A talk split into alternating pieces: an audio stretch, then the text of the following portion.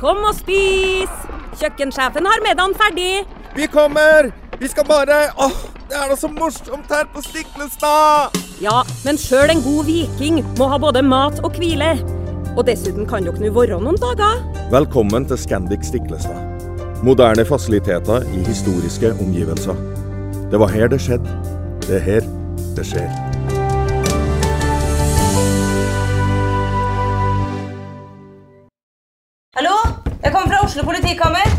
Ine Jansen er purk. Er du purk? The motherfucking bitch. Alt jeg vil, er å finne ut hva som skjedde med mannen min. Jon Carew. Er jeg sikta for noe? Iben Akeli. Det er du. Ole So, Lars Berrum og Big Daddy Karsten. Hvem sin side er du på, egentlig? Anette Hoff, Tone Danielsen, Kommer du fra Afrika?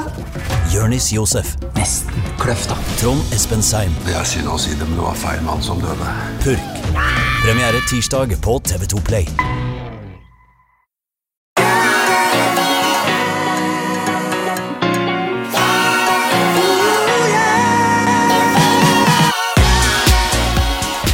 Velkommen til podkasten Hjernesterk. Eh, Ole Petter, jeg tenkte vi rett og slett skulle ta litt, eh, litt lesespørsmål. da, For eh, det er jo, det er jo utrolig Det er jo det er jo sånne skatter av, av spørsmål der som vi egentlig burde ta tak i regelmessig. Eller vi må jo nesten ta tak i det regelmessig hvis vi skal klare å svare på alle sammen. Eh, Det er veldig gøy at folk hører på podkasten, for det første. Og jeg syns også det er veldig gøy at folk eh, sender inn, eh, inn spørsmål. Det syns jeg er veldig morsomt. At det er engasjement, og at folk ønsker å bidra rundt deres erfaringer, og også ting de lurer på, og, og ting de finner ut underveis, etter hvert som de er ute og går, eller trener, eller leser tidsskrifter, eller hva det være. og det siste her handler om et tidsskrift som en lytter har sendt til oss. Jeg kan jo ta spørsmål her, eller hva han skriver. Hei, spennende studie om effektene av trening i forbindelse med vaksiner etc. Eh, Og så skriver han videre. For tiden bor jeg i Katmandu, hvor situasjonen snart er like ille som India. Da refererer han altså til covid-19. Bor greit med tredemølle hjemme, som brukes på hjemmekontoret disse dager. Hilsen Jan Erik. Jan Erik i Katmandu altså, er sikkert på bord bor der nede i forbindelse med, med jobb. Holder seg i form da med, med trening på tredemølla, og har jo da vært i en del av verden hvor det har vært eh, ganske tøffe forhold hva gjelder eh, Eller en tøff, vært igjennom en tøff tørn da, hva gjelder smitte. Eh, Men denne, denne undersøkelsen han refererer til her, eh, Ole Petter, den har jo du lest. Du, Den har jeg lest, og jeg har lest flere lignende også. Vi har for så vidt vært litt inne på det i tidligere podkaster også. Det er rett og slett en studie hvor de har sett på litt over en halv million mennesker fra forskjellige deler av verden som oppfyller eh, myndighetenes anbefaling om eh, fysisk aktivitet. Dvs. Si at de er aktive minst 30 minutter hver eneste dag. Iallfall fem, dager, eller unnskyld, i fem dager i uka. Altså oppfyller eh, anbefalingen om 150 minutter med fysisk aktivitet, da, som myndighetene i de fleste land har. Og så har man fulgt det opp og sett hvordan eh, denne gruppen med aktive mennesker hvordan de eh, påvirkes av covid-19 f.eks., og, og vaksinen mot covid-19.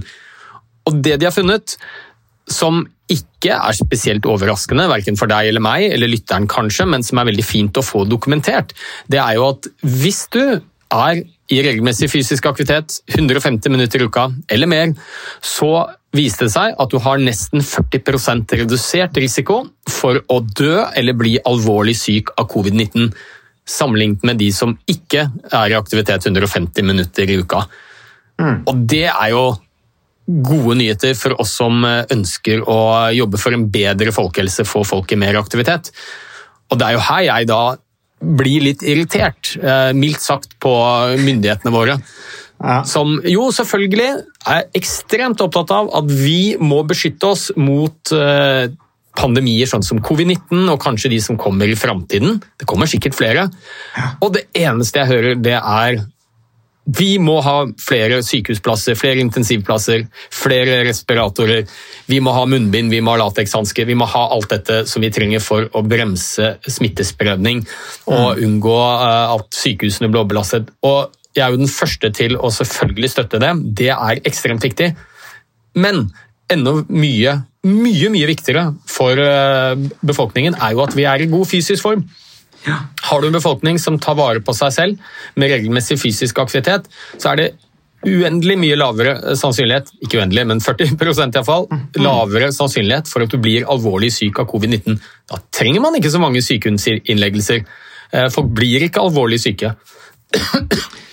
Um, og det savner jeg at det er snakk om. Det er lite snakk om den generelle folkehelsa i forebyggingen av eh, nye pandemier, og for så vidt denne pandemien også. Vi snakker bare om brannslukking. Nei, det, altså, det har jo kommet noen studier, Ole Petter. Vi har jo snakket om dette her, Det er jo et år siden vi snakka om dette her for første gang. Da var jo eksempelet Storbritannia Boris Johnson. Boris Johnson var jo tidligere ordfører i London. og der har de jo hatt store sykkelprosjekter for å utbedre infrastrukturen for syklister, sånn at de kan sykle til og fra jobb, bl.a. Boris Johnson sykla mye til og fra jobb. Eh, Men så ble han jo statsminister, eh, slutta å trene og ta vare på seg selv. eh, gått opp i vekt, fått dårlig helse, eller dårlig, mye dårligere form, og så ble jo han veldig syk av covid-19. Nå kan det jo bli du kan bli alvorlig syk av covid-19 selv om du er i god fysisk form, men den undersøkelsen du viser til, Ole Petter, at, får, at det er 40 eh, reduksjon i risiko for å bli alvorlig syk, er jo interessant og et godt argument for å begynne å mosjonere med tanke på å være mer robust ved den kommende pandemien som kommer en eller annen gang i fremtiden. For det vil jo komme nye pandemier, helt sikkert. Så, og det har jo vært fint lite snakk om fysisk aktivitet eh, som et middel til nå å bygge en mer robust folkehelse for å møte neste pandemi på en bedre måte enn det vi har gjort denne gangen. Snarere tvert imot, tenker jeg. Vi har vært igjennom dette med sukkeravgift og de tingene der. Og jeg synes jo nå som det er sommer, og jeg går, mer, liksom, går til og fra jobb nede i Oslo og sånne ting Altså, spark... Nå skal ikke, det, det, blir, det blir unyansert å peke på sparkesykler, men jeg bare tenker meg Alle de sparkesyklene er ikke bra for folkehelsa, det heller. Nå så jeg det var én professor eh, som Så jeg leste ikke hele artikkelen, men jeg så at det var en professor som trakk fram dette her at dette med at vi stadig bruker midler til å frakte oss selv, eh, hvor vi ikke trenger å bruke kroppen, eh, enten det er å gå eller sykle vanlig. Elsykler er veldig for elsykler, men jeg ser jo stadig flere barn som bruker elsykler òg. Og jeg tenker at Det er veldig synd, for det er, jo, det er jo i yngre alder, i barnsalderen, du bygger opp motorikken som du har med deg opp i voksen alder òg. Jeg syns ikke vi ser noe sånn veldig tegn til at det går helt riktig vei, også med tanke på dette med gym i skolen og disse tingene her. Så burde man kanskje hatt litt mer fokus på dette her, da. Ja, det, Jeg syns jo um, regjeringen, spesielt den sittende, står til ordentlig strykkarakter når det gjelder folkehelsearbeid. og Det har vi snakket om så mange ganger, så det er kanskje folk lei av å høre om. Men jeg ville bare ta opp noe av det du sa. Selvfølgelig kan du få covid, og du kan til og med dø av covid-19 selv om du er i toppform. Mm. Men sannsynligheten for det er mye mindre enn om du hadde vært i dårlig form. Altså, Du kan jo fint bli overkjørt, påkjørt og drept med lavt kolesterol uh, og lavt og fint blodtrykk. Mm. Så Det er jo en del tilfeldigheter som spiller inn, men det viktige her er jo at vi, både som individer, men som samfunn, bør gjøre det vi kan for å redusere sannsynligheten for at flest mulig av oss blir syke, uh, og alvorlig syke, av disse infeksjonssykdommene. Og, og Da er det jo litt interessant, denne studien peker også på litt hvorfor det er sånn. Uh, og Jeg tenkte jeg skulle si bitte litt om det. og Det er jo, det ene er jo at hvis du er i regelmessig fysisk aktivitet, så forebygger det en rekke forskjellige livsstilssykdommer. Type diabetes, ty, ja, diabetes type 2, Eh, hjerte-karsykdom, en del krefttyper f.eks. Eh, og, og vi vet at de som har disse underliggende sykdommene, de har økt risiko for å bli alvorlig syke av covid-19. Så Det er det ene. Mm. Eh, det andre, som, er, som er ganske nytt da, med denne studien, viser at de som er i god fysisk form, og får vaksinen mot covid-19, de har en kraftigere immunrespons på vaksinen. Sagt på en annen måte, vaksinen blir mer effektiv for de som er i god fysisk form. De lager flere antistoffer, som er mm. soldatene og verktøyene som eh, dreper en eh, eventuelt virusinfeksjon, sånn at vi ikke blir syke. Og så mm. vet vi at det å være i god fysisk form det reduserer en sånn generell stressrespons i kroppen. Som, eh, hvis man har den til stede, så øker det sannsynligheten for å bli alvorlig syk. Ikke bare av covid-19, men andre infeksjonssykdommer også. Influensa, lungebetennelse. Så, så, det er altså rett og slett et av de viktigste verktøyene vi har for å holde oss friske fra pandemier. Men allikevel, det blir ikke nevnt. Er det elefanten i rommet, eller er det for lav bevissthet, for lavt kunnskapsnivå? Altså er det at vi altså de, de, de undersøkelsene vi stort sett har referert til når vi har snakket om folkehelse i forbindelse med covid-19, det, er jo internasjonalt arbeid, men det er jo ikke gjort noe sånn voldsomt mye arbeid på det her hjemme i Norge, og vi har ikke hørt en eneste norsk politiker snakke om det. Nei, det, og det er jo sånn at det er jo handlingsplaner laget over hele verden. Eh, myndighetene i Norge har også det for hvordan man skal forebygge inaktivitet og få flere fysisk aktivitet. Og vi vet inderlig godt, det er ikke en politiker i Norge som ikke vet at det er et av de største folkehelseutfordringene vi står overfor globalt sett, også i Norge. Eh, økende grad av inaktivitet, eh, lite fysisk aktivitet, livsstilssykdommer. De fører til masse individuell lidelse. Fem millioner dødsfall hvert år på verdensbasis, altså, og, og er ekstremt dyre for samfunnsøkonomien. Men allikevel så er det en sånn manglende vilje øh, til å ta tak i de tingene som vi vet ville gjort noe med dette. Og Da kan vi jo nevne i fleng. ikke sant? Det er La barna bevege seg mer på skolen, da forebygger vi masse livsstilssykdommer senere i livet. Ha fokus på fysisk aktivitet i arbeidslivet. Eh, når det gjelder mat og kosthold, eh, gjør usunn mat eh, dyrere, sunn mat billigere. Det kunne man faktisk gjort med et pennestrøk. Mm. Og, Det handler om å legge forholdene til rette for at det er lettere for oss å ta gode livsstilsvalg. Pass på å ha gode sykkelstier og veier så vi kommer oss dit vi skal. Få egen maskin og ikke må kjøre bil. Mm. Alle disse tingene vet jo politikerne om, og så står de med lua i hånden, eh, mener jeg, da. Og, Men jeg er ikke så sikker på at de vet om det heller. Altså, jeg er ikke så sikker på om alle politikere er helt bevisste på, på gevinsten av, av, fysisk aktivitet på, på, på helsebudsjettet? Politikere liker jo selvfølgelig eh, løsninger som gir raske resultater. De skal jo gjenvinne, eh, altså gjenvelges, heter det vel, mm. eh, for å komme seg inn på Stortinget f.eks. Og, og en del av de tiltakene som skal til for å bedre helsa, folkehelsa, det er langsiktige tiltak hvor kostnadene kommer nå. Kanskje skal du eh, gjøre noe med skolehverdagen til barn for at barn over tid får bedre helse. Du skal investere i sykkelveier, forebyggende arbeid. Da er det gjerne sånn at kostnaden kommer nå, kanskje på dette statsbudsjettet eller neste års, men gevinsten kommer ikke med en gang. Den kan komme mange år senere. ikke sant? Og da, Så langt tenker ikke politikerne.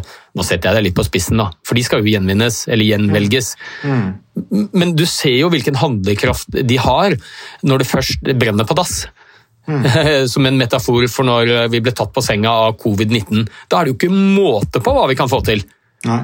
Altså, Vi kan be folk holde seg hjemme fra jobb, vi kan stenge arbeidsplasser, stenge skoler.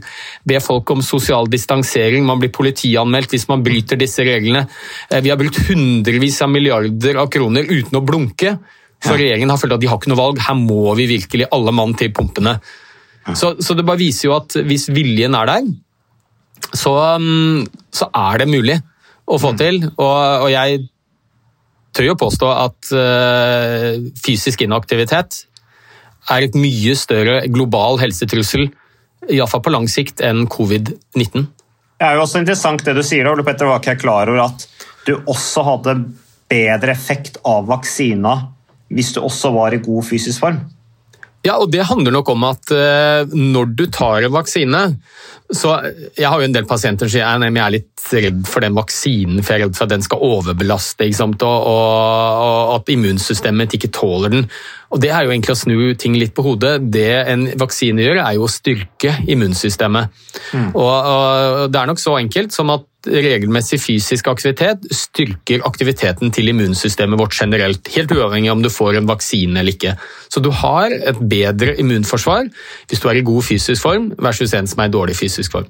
Og når du da får en vaksine, så aktiverer du jo immunsystemet. De skal begynne å lage antistoffer og noe som heter hukommelsesceller, som beskytter oss i framtiden. Og da har du et mer aktivt og reaktivt eh, immunsystem som eh, responderer kraftigere på en vaksine. Men Ole Petter, i og med at vi er inne på det her, eh, og, eh, og, nå er vi i en periode hvor det er veldig mye vaksinering, og det er veldig mye Mange vil jo reise til utlandet, det er eh, koronapass. Og, og jeg er jo en av de som ønsker vaksinering. altså jeg, jeg ønsker en vaksine ikke fordi at jeg føler jeg trenger det. Jeg er ikke redd covid-19. Eh, og jeg, jeg føler selv at jeg har god helse, så jeg føler på personlig nivå at jeg ikke trenger vaksina. Men jeg gjør det bare for å være snill gutt, ikke sant? Eh, og fordi at eh, Det er av praktiske grunner.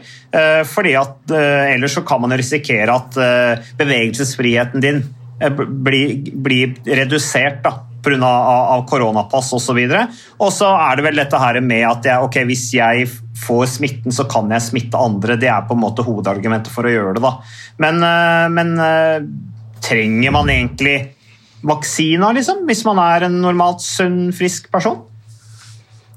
Ja, jeg vil jo sterkt eh, oppfordre alle til å ta covid-19-vaksinen av tre viktige årsaker. Eh, det ene er for din egen del.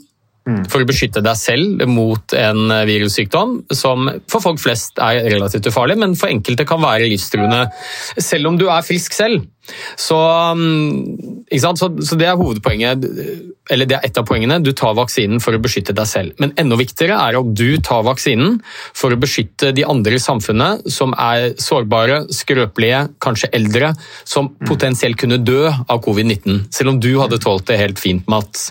Eh, Og det tredje punktet, som kanskje er viktigst fra folkehelseperspektiv, er jo at eh, vi vaksinerer oss for å utrydde sykdommen. Bli kvitt den.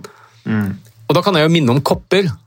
Det er jo en sykdom som ikke så mange i dag kjenner til, for den oppsto på 1700-tallet. Den hadde en dødelighet på 40% tok mange titalls millioner menneskeliv i Europa. Langt, langt større andel av befolkningen enn det covid har vært i nærheten av. Folk døde rett og slett som fluer. Ekstremt eh, hissig og eh, smittsom sykdom. Så kom vaksinen på slutten av 1700-tallet, begynnelsen av 1800-tallet. Kom til Norge i 1810. Og da var det faktisk sånn at eh, for å bli konfirmert eller gifte deg, så måtte du ha koppevaksineattest. Oh, ja? Så det er faktisk ikke nytt i Norge, dette her. Du fikk ikke konfirmert deg, du fikk ikke giftet deg, med mindre du viste at du hadde vaksinert deg mot kopper. I 1980 så ble kopper utryddet fra planeten. Den har tatt titalls millioner, eh, om ikke hundretalls millioner, menneskeliv. Ukas annonsør det er HelloFresh. Og eh, hvis du nå går inn på hellofresh.no og bruker koden 'fresh hjerne', så kan du få opptil 1779 kroner rabatt på da de fem første matkassene dine hvis du ikke har prøvd Hello Fresh enda. Og Ole Petter, vi er jo glad i Hello Fresh i podkasten Hjernesterk, eh, selvfølgelig fordi at de er en annonsør. De er med og bidrar til å spre det glade ordet om fysisk aktivitet og god helse. Men i tillegg så har jo vi også nå lang erfaring med Hello Fresh eh, selv. Så vi må jo si at det har vært gode erfaringer til nå.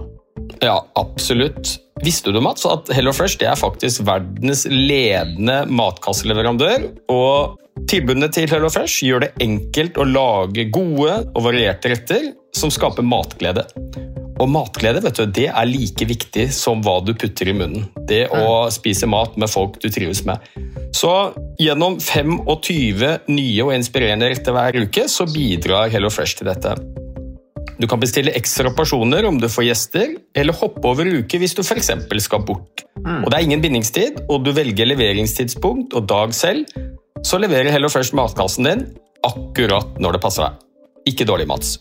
Nei, det er veldig bra. Så, øh, og dette er med enklere hverdag, det kan jeg nå skrive under på. For nå, forrige erfaring vi hadde forrige uke, Ole Petter, det syns jeg var øh, Det var jo et gjennombrudd øh, for familien Kaggestad. For da lagde rett og slett barna De lagde middag og serverte middagen, så den var ferdig laget og servert da når eh, min kone Marita og meg kom hjem fra jobb.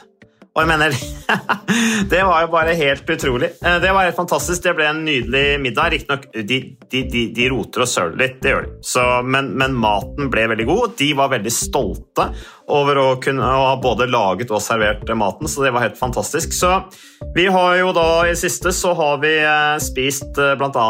sitron- og dillstekt hyse med ovnsbakte grønnsaker og aioli. Eh, Vi har spist middelhavsinspirert kylling. Taco, så finnes det mange ulike typer taco. F.eks. vietnamesisk taco, som vi har spist. Thailandsk vegetargryte. Veldig riktig og sunt eh, i dagens eh, samfunn med, med fokus på bærekraft. Hvitløk og chilistekte reker i spagetti, det var definitivt en vinner. Så det er så flott. Du får rimelig mat ved at du kun betaler for det du trenger, så det blir ordentlig feststemning med Hello Fresh. Det gjør det, og nå er det bare for deg å gå inn på hellofresh.no og bruk koden FRESH gjerne. Da får du opptil 1779 kroner rabatt på de første fem matkassene dine, hvis du ikke allerede har prøvd HelloFresh. Du kan også bruke rabattkoden hvis du har stoppet abonnementet ditt for tolv måneder siden eller mer. Er det noe å lure på? Håper maten smaker godt. Bon appétit! eh, over, gjennom årene. Den ble utryddet. Og, og Grunnen til det var jo at eh, de aller fleste land, store land hadde vaksinasjonsprogrammet mot eh, kopper. Så vi er avhengig av at mange vaksinerer seg for at vi skal klare å utrydde sykdommen. Og så er jo selvfølgelig bonusen da, eh, rundt denne vaksinen at vi kan begynne å leve litt mer normalt, få lov til å reise, eh, ha sosial kontakt. Ja. Så- Nei, så eh, Myndighetene har brukt den type verktøy før altså for å liksom få folk til å ta til fornuften og få det gjort. Altså gi det et lite spark i ræva. Eh, Det er å liksom si ja, ok, hvis ikke du tar den vaksinen, så får du ikke Den gang med kopper så får du ikke da uh, konfirmert deg. Nå så ja, da får du ikke koronapass, og da får du ikke reist osv. Nei, du, altså, jeg er jo veldig fan for at vi skal uh, bruke det vi kaller nudges, altså stimulere og anbefale og motivere folk til å ta vaksinen, men jeg syns samtidig ikke at det skal være um, et krav. Altså, dette er et valg man må få lov, lov til å ta selv, men eh, men jeg er jo litt bekymret for mye av den kommunikasjonen rundt vaksiner som finnes i sosiale medier og konspirasjonsteorier, eh, som gjør at mange blir unødvendig bekymret og tenker at dette er en vaksine som er livsfarlig, den må vi holde oss unna. Så Det er derfor jeg prøver å si prøv å, å finne mest mulig informasjon om vaksinen hvis du er skeptisk, eh, fra pålitelige kilder. Og det er ikke Facebook. Det kan være Verdens helseorganisasjon, det kan være Folkehelseinstituttet, helsenorge.no. Altså, Det er mange steder du kan finne det. Um, og det er mye studier som er gjort på dette nå. Eventuelt snakk med fastlegen din eller helsepersonell som kan gi deg noe råd. Men det er derfor jeg nevner disse tre tingene. Du vaksinerer deg ikke bare for deg selv. For det er jo kanskje det viktigste argumentet mange av de som er skeptiske til vaksiner. Jeg trenger ikke vaksinen, jeg er ikke noe redd for covid-19. jeg. Nei, ikke Nei, sant? Du, men kanskje, tar, du er med og tar ansvar. bestemoren din eller hun skrøpelige naboen din som du er i kontakt med, Ja. hun kan kanskje dø av covid-19. Så vi gjør det vel så mye for andre som for oss selv. Ja. Og så gjør vi det rett og slett eh, solidarisk for å prøve å um, utrydde en sykdom. Og det hadde jo vært litt deilig, å bli kvitt covid-19. Ja, det hadde det. Også I mellomtida så får vi trene og holde oss i form sånn at vi er bedre rusta til neste, neste pandemi. Men uh, til slutt så rekker vi et spørsmål til her, Ole Petter. Uh, det er et relativt langt spørsmål, men jeg skal prøve å ta det kjapt. Hei, jeg er en 32 år gammel kvinne som hele livet har vært glad i å trene. Midt i 20-årene fikk jeg kreft. Eh, Det kaller hun også for Juving sarkom. E Ewings, ja, Ewing Ewing sarkom, det er et, eh, en beinsvulst. Så svulstkreft i beinvevet. Ja, det hørtes alvorlig ut. Uh, kan ja, og så kan jeg lese videre. Og uh, i løpet av et lite år gikk jeg gjennom cellegift, høydose, operasjon og stråling. Skikkelig runde, dette her, altså. Det er nå sju år siden jeg er erklært kreftfri, utropstegn. Eh, bra. Og jobber meg stadig mot en bedre fysisk form. Det har vist seg å være vanskeligere enn jeg hadde trodd. Senskader etter operasjonen og stråling har gjort at, det, at den ene lunger, lungen kun har 50% kapasitet. Jeg lar ikke dette stoppe meg, og mitt mål er å kunne ta meg en rolig joggetur etter endt arbeidsdag. Jobber 100 og energinivået svinger til dels i etterkant av behandlingen. Dette her høres ut som en skikkelig tøffing. Altså. Utfordringen min er at jeg sliter med svært høy puls under joggeturer, og innser at det ikke kan være bærekraftig over tid. Ender stort sett med å gå turer uten pulsklokke i parentes, for ikke å miste motet, eh, motet av at pulsen stiger til værs i enhver motbakke. Og så kommer litt mer eh, konkrete spørsmål. Det er Det er kanskje ikke noe spesifikt sykdomsforløp, men har dere noen tips råd om hvordan man bør legge opp treningen? Kan det tenkes at dette er min nye normal? Det viktigste for meg er at joggeturene blir bærekraftige og ikke bryter ned kroppen. Om det er av betydning, er mitt normale blodtrykk lavt, altså rundt 90-50. Det skal også sies at jeg har prøvd tre ulike pulsklokker, og alle viser den samme intensiteten. Eh, og Så sender hun et bilde som ikke vi får vist her på podkasten, fra sin forrige joggetur. Eh, om dere vet hvor en kan oppsøke hjelp for denne problemstillingen, mottas alle tips med takk. Hilsen Hege, som også takker for, en, for motivasjonspod. Eh, ja, Ole Petter, her er du en dame. altså Hege har jo vært igjennom en skikkelig runde. Hun er full av pågangsmot, vil trene seg opp igjen. Skriver at hun har senskader, men hun, hun trår til som bare det. Jobber, står på men pulsen er veldig høy, og det er tydeligvis noe hun blir litt satt ut av når hun er ute og mosjonerer og trener. Ja, jeg vil jo si aller først utrolig glad for å høre at uh, Hege, som nå um, har vært, vært, kreftfri og Når det har gått syv år og du er erklært kreftfri, så er man jo i praksis kurert. Og det er jo kjempebra og gode, gode nyheter. Og hun framstår jo som en virkelig tøffing som, uh, som, kjører på og holder seg i bevegelse og, og, trener, til tross for at hun har en del symptomer. Og mm, jeg vil jo si sånn generelt, da, uten at jeg kjenner sykehistorien hennes noe mer enn det som er beskrevet av deg, Mats, og i, eh, i hennes uh, melding til oss, så, um, så, ser vi jo at uh, en del som da er kvitt kreftsykdommen sin, og, og da blir man jo per definisjon erklært som frisk da, av helsevesenet så mm. sliter man med en del senplager. Kanskje først og fremst etter behandlingen. Ikke kreften i seg selv nødvendigvis, men uh, tøff og aggressiv behandling, som jo er helt nødvendig for å overleve. Mm. Strålebehandling og cellegift. Og, det påvirker veldig mange forskjellige organer, kanskje spesielt cellegiften. Uh, og kan påvirke lungefunksjon, strålebehandlingen også, som jo Hege sier, 50 redusert kapasitet i den ene lungen, vil jo, vil jo påvirke fysisk yteevne og, og at høy, gjør at man lettere får høy puls ved fysisk aktivitet. Mm. Og så er det også en del sånn diffus påvirkning som det er vanskelig å lokalisere nøyaktig, og som av og til går under betegnelsen fatigue også. Mm. At man har en litt sånn uforklarlig utmattelsestendens i kjølvannet av eh, langvarig kreftbehandling. Om det er et element i det Hege har, hun sier at hun har veldig svingende energinivå. Mm. Det er vi blitt mye mer klar over, og det er ofte ting som eh, går seg til og som man blir bedre av, men det kan ta ganske lang tid. Og Av det hun spør om, da, så tenker jeg dette med, med, høy puls eh, under fysisk aktivitet. Så er jeg litt usikker på om hun oppfatter det som ubehagelig, eller om det er rett og slett det at hun ser at den er høy og tenker at det kanskje ikke er bra. Mm. Men da har jeg, jeg lyst til å si at det å ha høy puls, det er jo ikke noe farlig i, i det hele tatt. Så um, hvis du føler deg ok, Eh, selv om du har høyere puls på en gitt intensitet enn det du hadde tidligere, så er jo det langt ifra farlig. Det er helt greit å pushe seg allikevel. Det er ikke men, noe farlig for hjertet. Men kan det være en idé bare, Unnskyld Unnskyld jeg avbryter deg her, Ole Petter. Eh, kan det være en idé rett og slett å legge fra seg pulsklokka? Ja, og det var jo litt det jeg kom til nå hoppa du inn her, Mats, og stjal poenget mitt. Du, det, det, går helt fint. Jo da, jo, men det, og det er, det, det er litt derfor jeg spør. Er det sånn at man er litt bekymret pga. de tallene man ser på pulsklokka, eller er det noe ubehagsfølelse ved å ha den pulsen? Og Hvis svaret er at man blir litt bekymret for tallet som står på klokka, så ville jeg lagt bort pulsklokka, glemt den, og så tren etter litt sånn innfallsmetoden, det som føles ok. Det mm. er ikke farlig, langt ifra, å ha høy puls. Um, så lenge man ikke føler noe ubehag ved det, annet enn at man blir sliten, selvfølgelig. Det er jo litt av treningsgevinsten også. Um, når det er sagt, så ser jeg jo også at hun har et blodtrykk som er uh, litt, litt, lavt. 90 over 50. Mm. Det er ikke noe, noe, farlig, det, men det kan gi litt ubehag i form av svimmelhet osv., spesielt når man reiser seg.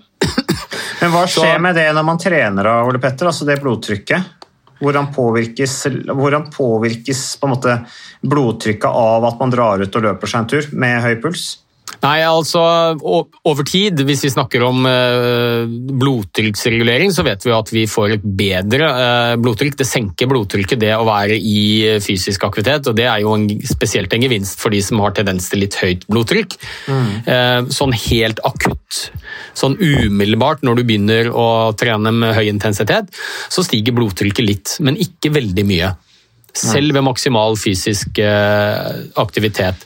Og Hege har selvfølgelig ikke noe nytte av å trene seg ned til et lavere blodtrykk, for det er litt lavt fra før. Mm. Hovedpoenget mitt her er vel at når du merker at pulsen din kanskje er litt i ulage, og blodtrykket ditt er litt lavt, eh, så kan det jo tenkes, uten at jeg kan si noe som helst sikkert om det, at det kan være noen forstyrringer hormonelt sett i disse hormonene som bl.a. påvirker puls og blodtrykk, eh, f.eks. stoffskifte osv., som kan ha blitt påvirket av kreftbehandlingen. Mm. Så, um, så jeg ville ikke vært noe bekymret for den høye pulsen så lenge den ikke er ubehagelig.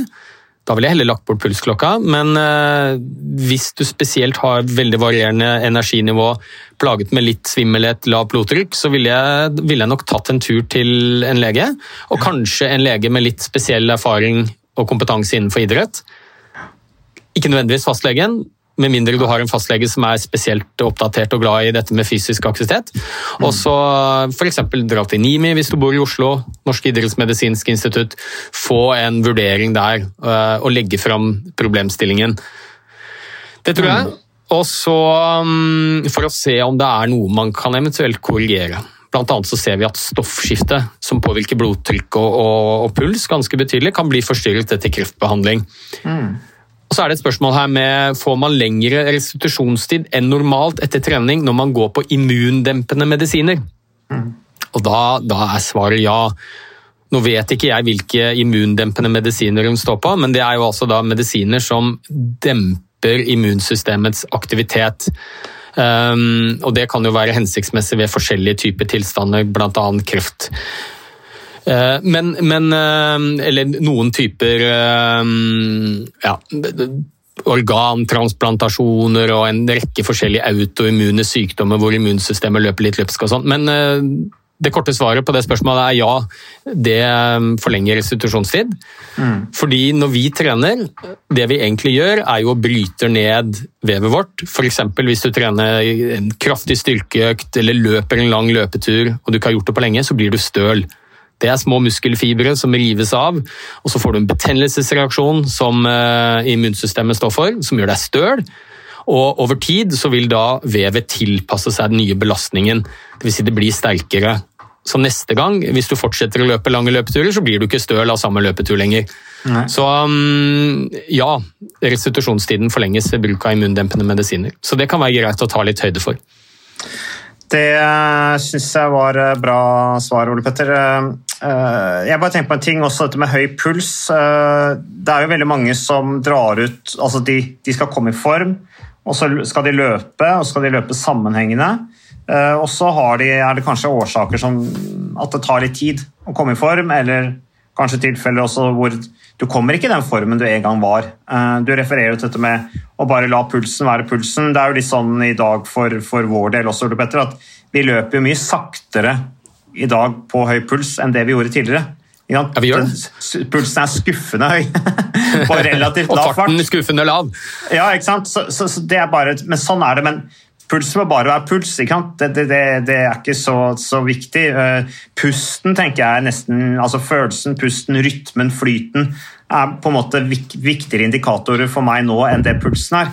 Men, eh, men eh, det å, å, gå og jogge, gå og jogge tror jeg også kan kanskje være ålreit for å få litt kontroll på pulsen. da, Hvis pulsen blir litt høy, rett og slett gå litt, jogge litt, gå litt, jogge litt. At det også kan være en en måte å på en måte eh, leve med. Da. At pulsen er litt høy, og, og ta litt mer kontroll på den. Ja, og Jeg er veldig fan av det å, å, å, lytte til kroppens signaler. Der er kroppen kanskje det mest fantastiske verktøyet på denne planeten. Altså, Den sier fra den når det er noe gærent. Sånn at øh, det å bruke pulsklokke f.eks. Mange syns det er veldig motiverende. Da ser de fart, og de har en GPS og kan legge det ut på Strava etterpå. Jeg syns det er helt topp at folk bruker det, hvis det er en motivasjonsfaktor. Det jeg vil advare litt mot, er jo øh, bruk av pulsklokker som et sånn medisinsk verktøy. Jeg får nesten ukentlig meldinger fra folk både folk jeg kjenner og ikke kjenner, som har vært ute på en løpetur, og så har de gått inn og sett på pulsprofilen etterpå, og så ser de at 'oi, jeg hadde 390 i puls'. Ikke sant? Her er det Da noe skjønner gærent. jeg de er bekymra, altså. Ja, ikke sant? Og da har de ikke hatt 390 i puls, men, men pulsklokken er ikke noe nøyaktig medisinsk verktøy. Det er mange usikkerhetsmomenter. Den kan plutselig vise en helt gal eh, frekvens. Og, og, så da ikke bruk det som noe diagnoseverktøy. Så, så hvis du går og sjekker pulsen din og er bekymret for at den kan bli for høy, for eksempel, så tror jeg heller ville lagt bort pulsklokken. Det er ikke farlig å trene, eh, selv om pulsen blir høy, så lenge du ikke føler noe, så, så lenge du føler deg ok. Ja, og tenker jeg ok, pulsen er høy, så bra. Da er treninga enda mer effektiv. På en måte. Ja. Så Nei, men uh, først og fremst, Hege, du er en skikkelig tøffing. Uh, tusen takk for spørsmålet. Uh, flott at du er i gang med opptrening etter en tøff sykdomsperiode og behandling. Eh, og gå ut og kos deg, la puls være puls. Og som Ole Petter sa her, hvis du ønsker noe med konstellasjoner om det, ta kontakt med F.eks. Nimi, og da vil jeg bare legge til at vi har ikke noe avtale med Nimi om å fremsnakke de. Eh, Så det er snakk. Vil du si noe mer på slutten? Ole Petter? Du ser litt klar ut for å få det siste ordet. Nei, du, jeg syns bare det er utrolig flott at eh, folk skriver inn om sine personlige historier, sånn som eh, Hege gjør. Eh, Og jeg tror det er mange som opplever det som veldig nyttig, at det er liksom folkehelseopplysning. Det er mange som er i lignende situasjoner, og, og det å, å få dette belyst fra den som eh, opplever det selv, det, det, det er utrolig nyttig. Så jeg er kjempeglad for at Hege og andre skriver inn til oss, så fortsett med det. Og så skal vi prøve å svare etter beste evne. Selv om vi ikke rekker alle, så um, skal vi nå klare å få unna en del. Ja, ja. Det er utrolig godt å ha de spørsmålene. Så tusen takk for det, og tusen takk for at du lyttet på podkasten Hjernesterk.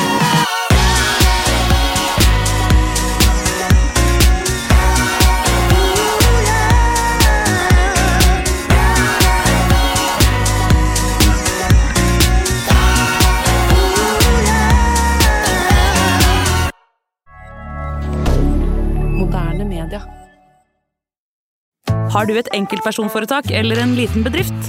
Da er du sikkert lei av å høre meg snakke om hvor enkelt det er med kvitteringer og bilag i fiken, så vi eh, gir oss her, vi. Fordi vi liker enkelt. Fiken superenkelt regnskap.